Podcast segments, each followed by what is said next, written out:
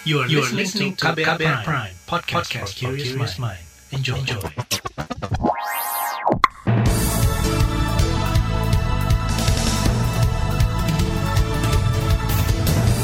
Selamat pagi saudara, senang sekali kami bisa menjumpai Anda kembali melalui program Buletin Pagi KBR edisi Kamis 27 Mei 2021 bersama saya Ardi Rosyadi. Sejumlah informasi pilihan telah kami siapkan di antaranya teks amnesti jilid 2 segera dibahas pemerintah dan DPR. Villarreal raih juara Liga Eropa 2020-2021. Walhi Banyuwangi desak vonis bebas tiga pejuang lingkungan alas bulu. Terbaru di Buletin Pagi. Saudara pemerintah kembali menggaungkan pengampunan pajak atau teks amnesti jilid 2. Menteri Keuangan Sri Mulyani mengatakan teks amnesti kali ini akan berbeda dengan tahun 2016. Ia menyebut pemerintah akan fokus menindaklanjuti kepatuhan pajak para peserta teks amnesti lima tahun lalu ada rambu-rambu mengenai compliance yang harus tetap kita lakukan. Dan sebetulnya sampai hari ini kami tetap upamanya mendapatkan automatic exchange of information dan akses informasi untuk tahun 2018 terhadap beberapa ribu ya Pak ya, ribu wajib pajak yang kita follow up dan kita akan lakukan dan nanti pasti menggunakan pasal-pasal yang ada di dalam tax amnesty. Menteri Keuangan Sri Mulyani mengatakan rencana itu telah sesuai undang-undang tentang pengampunan pajak, yakni pemerintah harus meningkatkan kepatuhan para wajib pajaknya. Lebih lanjut, pemerintah juga berencana memberikan kesempatan bagi wajib pajak yang belum patuh untuk program pengungkapan aset sukarela dan tarif pajak penghasilan final. Sebelumnya pemerintahan Joko Widodo pernah mengeluarkan pengampunan pajak atau tax amnesty pada tahun 2016. Namun pengampunan pajak jilid pertama ini gagal mencapai target. Pemerintah menargetkan 1,35 kuadriliun rupiah, sementara hasilnya hanya mencapai 1,14 kuadriliun rupiah. Tidak ingin capaian pengampunan kembali meleset, anggota DPR RI fraksi Demokrat Irwan mengatakan pihaknya meminta pemerintah melakukan pengkajian lebih dalam untuk mengukur risiko dan dampak terhadap perekonomian. Ia khawatir potensi terjadinya moral hazard atau penyimpangan yang justru merugikan negara jika kebijakan teks amnesti dilakukan berulang.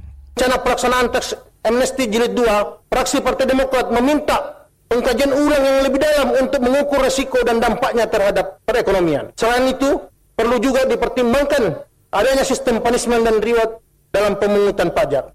Itu tadi anggota DPR RI fraksi Demokrat Irwan. Sementara itu, menurut anggota Komisi Ekonomi DPR Misbahun saat dihubungi KBR mengatakan mendukung adanya pengampunan pajak jilid 2. Hal itu, kata dia, bisa menjadi pertolongan besar bagi dunia usaha yang sedang dalam resesi akibat pandemi COVID-19.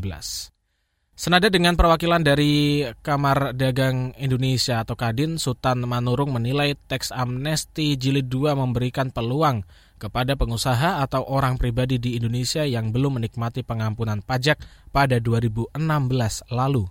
Menurut Sultan, selama 2018-2021 Indonesia melakukan beberapa perjanjian dalam bentuk automatic exchange of information untuk keterbukaan data mengenai aset-aset perusahaan atau orang pribadi yang berada di luar negeri. Artinya mereka ini Kementerian Keuangan dan Direktorat Jenderal Pajak melihat ini sebagai potensi untuk penerima negara. Tetapi di sisi lain saya mengamati akan adanya kemudahan-kemudahan atau fasilitas lain yang ditawarkan sebagai peserta teks amnesti.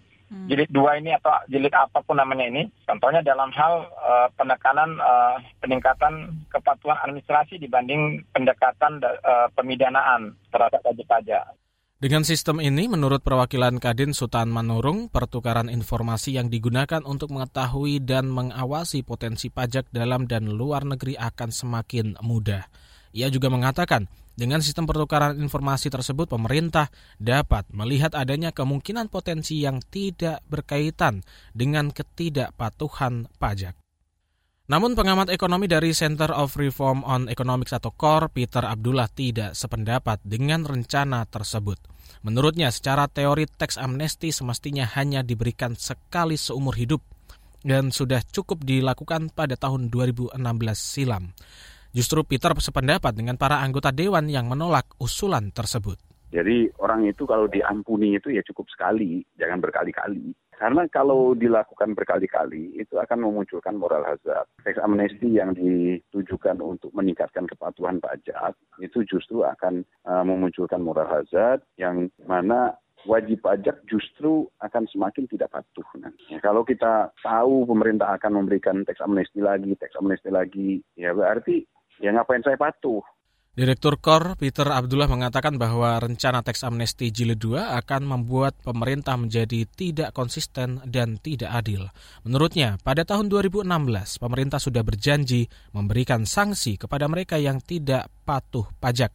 Peter khawatir pemberian teks amnesti berulang kali akan mengurangi makna dan juga kredibilitas pemerintah. Lebih lanjut, kata Peter, dalam kondisi pandemi cukup wajar bila penerimaan pajak tidak maksimal dan memang tidak bisa dipaksakan. Informasi terkait polemik pemecatan pegawai KPK akan hadir usai jeda. Tetaplah di Buletin Pagi KBR. You're listening to KBR Pride, podcast for curious mind. Enjoy!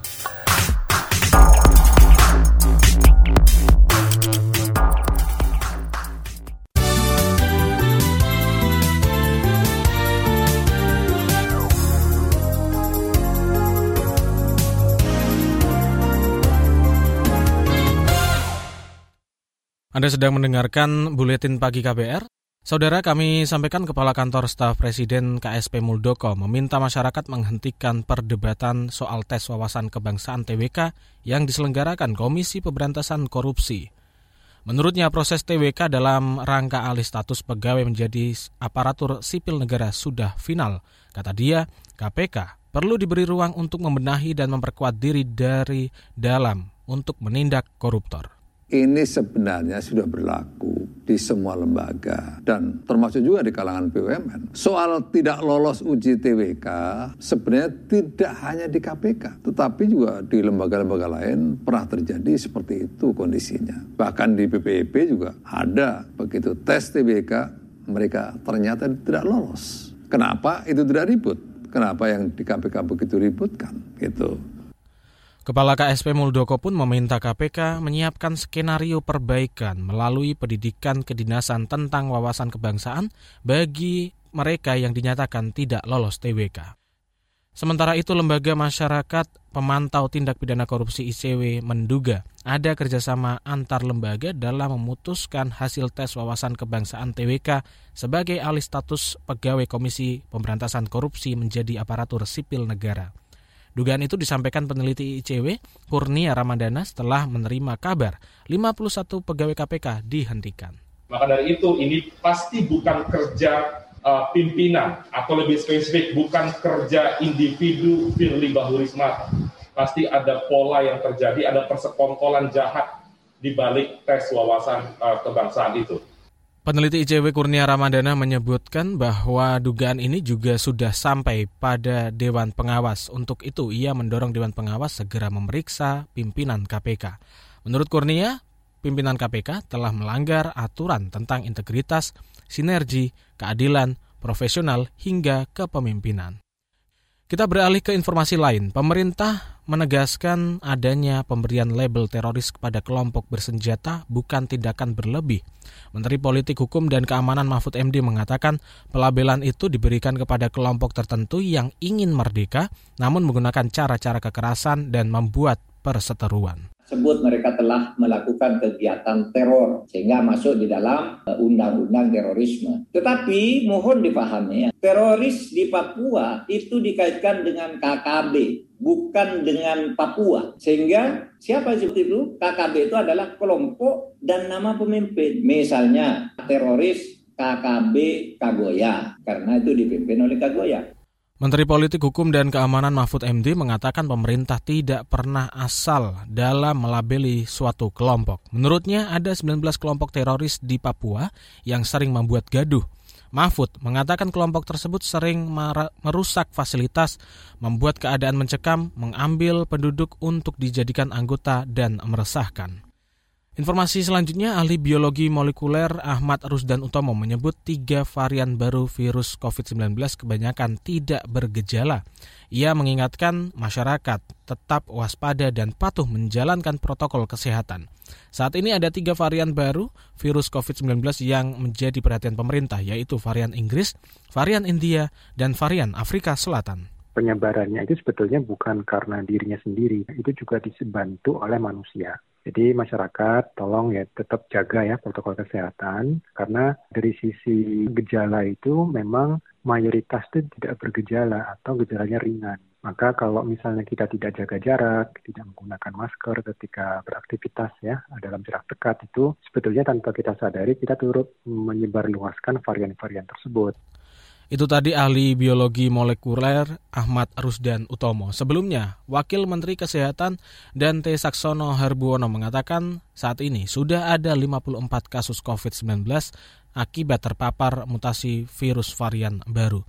Puluhan kasus ini menyebar, 35 di antaranya adalah varian kasus yang berasal dari migran atau luar Indonesia dan 19 kasus berasal dari transmisi lokal. Masih seputar COVID-19, Satgas COVID-19 menyebut saat ini 10 juta penduduk Indonesia telah menerima vaksin dosis lengkap.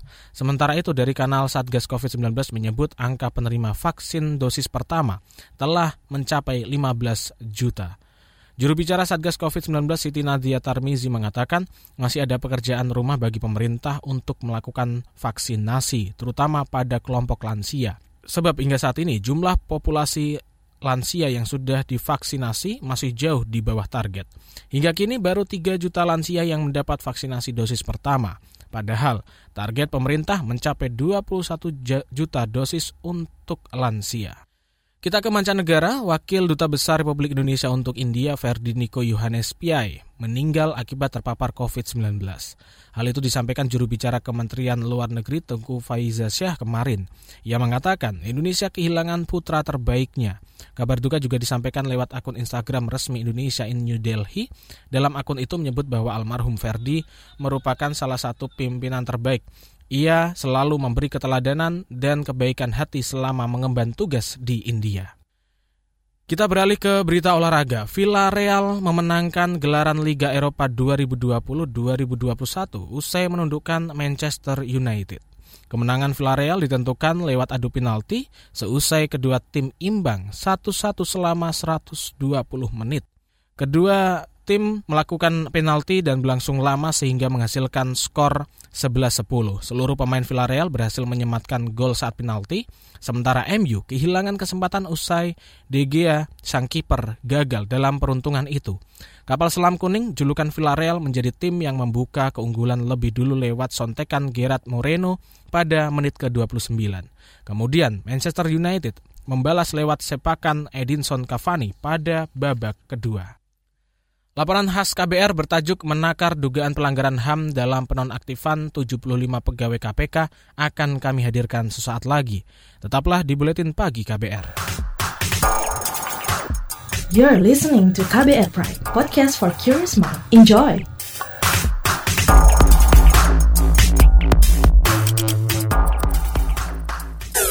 Commercial break. Suatu hari, virus berkumpul dan mulai kebingungan. Duh, bingung. Mau nyari mangsa ke mana lagi ya? Iya nih, semua orang pada pakai masker. Aku ada ide. Kita nongkrong di rumah makan aja gimana? Ngeliatin orang-orang yang lengah nggak pakai masker.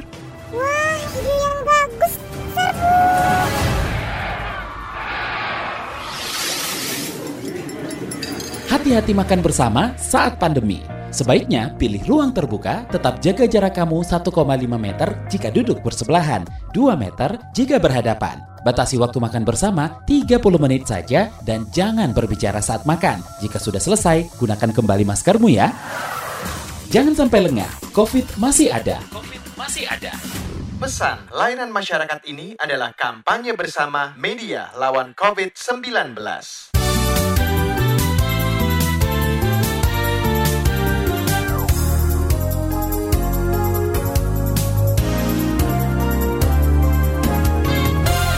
Terima kasih Anda masih mendengarkan buletin pagi KBR dan pada kesempatan pagi hari ini kami sampaikan puluhan pegawai Komisi Pemberantasan Korupsi KPK melaporkan pimpinan lembaga anti rasuah ke Komnas HAM. 75 pegawai yang tak lolos tes wawasan kebangsaan itu menduga pimpinan KPK melanggar HAM dalam proses alih status menjadi aparatur sipil negara atau ASN. Apa saja dugaan pelanggaran itu dan bagaimana respon Komnas HAM? Berikut laporan khas KBR yang disusun jurnalis Wahyu Setiawan. Pimpinan KPK hingga kini belum mengambil keputusan soal nasib 75 pegawai yang tak lolos tes wawasan kebangsaan TWK. Padahal Presiden Joko Widodo tidak setuju jika hasil tes dijadikan dasar memberhentikan pegawai KPK yang tak memenuhi syarat. Sepekan berlalu, pimpinan KPK tak kunjung mencabut penonaktifan 75 pegawainya. Polemik ini pun memasuki babak baru. Perwakilan 75 pegawai yang tak lolos tes mendatangi Komnas HAM Senin kemarin. Mereka mengadukan dugaan pelanggaran HAM yang dilakukan pimpinan KPK atas penonaktifan puluhan pegawai yang tak lolos TWK. Tes itu merupakan salah satu rangkaian dari alih status pegawai KPK menjadi aparatur sipil negara ASN. Tes digelar Badan Kepegawaian Negara BKN sepanjang 18 Maret hingga 9 April 2021.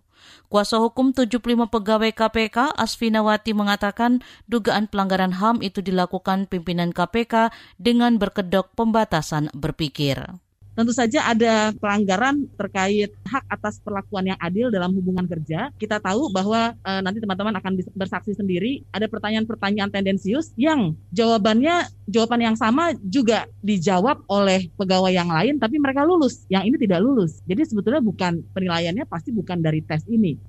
Asfinawati menambahkan dugaan lainnya adalah pelanggaran hak berserikat dan berkumpul pelanggaran hubungan yang adil dalam pekerjaan, diskriminasi terhadap perempuan dalam tes, dan pelanggaran terhadap pembela HAM Novel Baswedan. Selain itu, dia juga menduga kuat ada pelanggaran terhadap kebebasan berpendapat, sebab sebagian dari 75 pegawai itu selama ini lantang menolak kehadiran Firly Bahuri dan ikut serta dalam judicial review Undang-Undang KPK. Salah satu pegawai yang tidak lolos Novel Baswedan menuding pimpinan KPK melakukan tindakan sewenang-wenang yang berujung melanggar HAM. Menurut Novel, tes tersebut hanya cara pimpinan KPK untuk menyingkirkan para pegawai berintegritas. Hal ini bukan baru pertama kali, sudah berkali-kali dilakukan. Dan ini rasanya suatu hal yang paling banyak dan serius. Oleh karena itu, hal ini menjadi hal yang penting sekali. Ini bukan hanya terkait dengan dampak yang terjadi kepada pegawai KPK yang akan diberlakukan dengan semena-mena, tapi juga terkait dengan kami yang telah bekerja dan kemudian dengan adanya eh, SK yang dikeluarkan oleh pimpinan KPK, maka akan terlunda-lunda pekerjaan dan membuat kami tidak bisa bekerja atau tidak bisa melakukan tugas.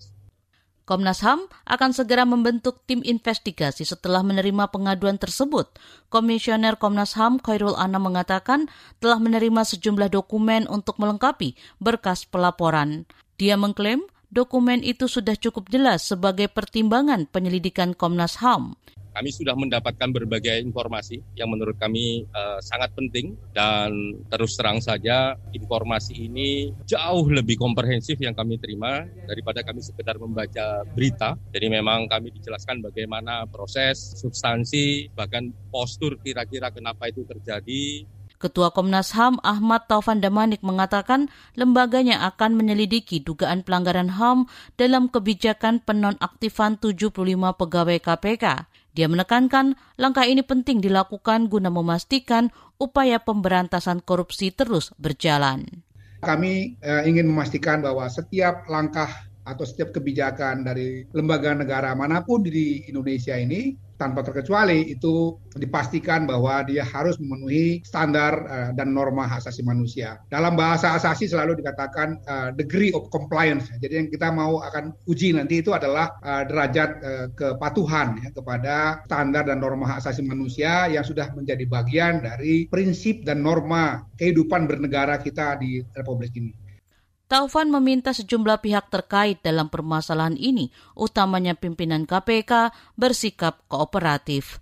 Juga kepada pimpinan KPK kami mintakan sekali lagi uh, untuk juga nanti kooperatif memberikan informasi-informasi yang dibutuhkan oleh tim kami dan juga terbuka bagi siapa saja pada masyarakat luas juga kalau ada bahan-bahan uh, yang bisa atau dianggap bisa memperkuat uh, penyelidikan ini nanti uh, mohon segera disampaikan ke Komnas HAM Sementara itu, KPK menyerahkan tindak lanjut pelaporan tersebut kepada Komnas HAM sesuai tugas dan kewenangannya. Juru bicara KPK Ali Fikri mengatakan KPK menghormati langkah yang diambil 75 pegawainya. Demikian laporan khas KBR yang disusun Wahyu Setiawan. Saya Fitri Anggreni. Informasi dari berbagai daerah akan hadir usai jeda. Tetaplah bersama kami di Buletin Pagi KBR. You're listening to KBR Pride, podcast for curious mind. Enjoy!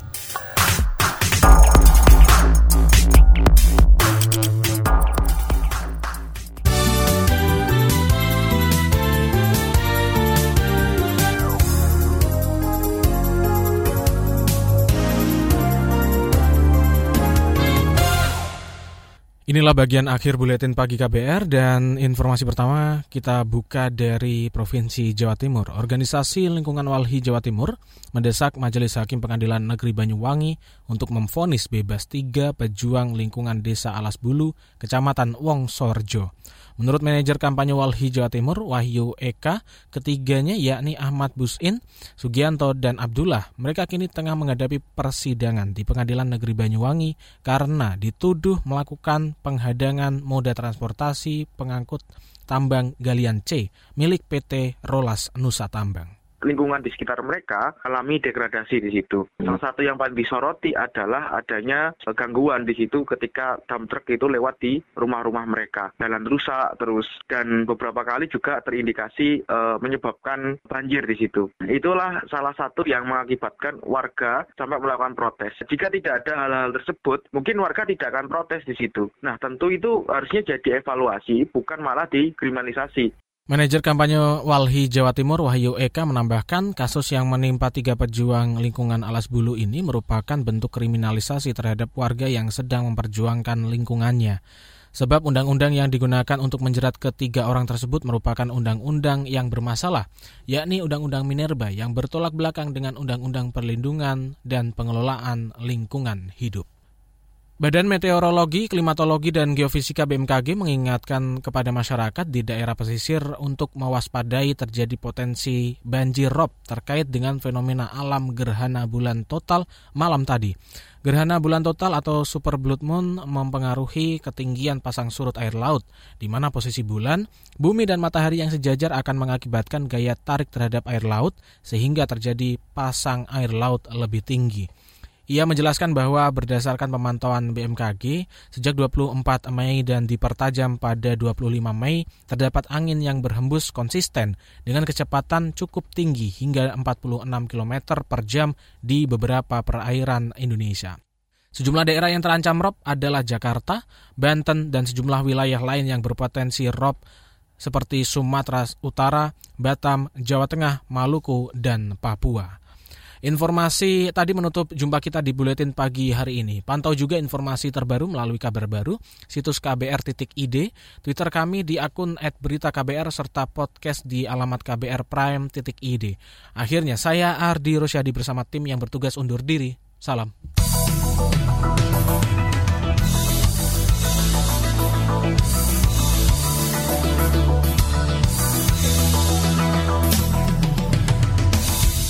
KBR Prime, cara asik mendengar berita. KBR Prime, podcast for curious mind.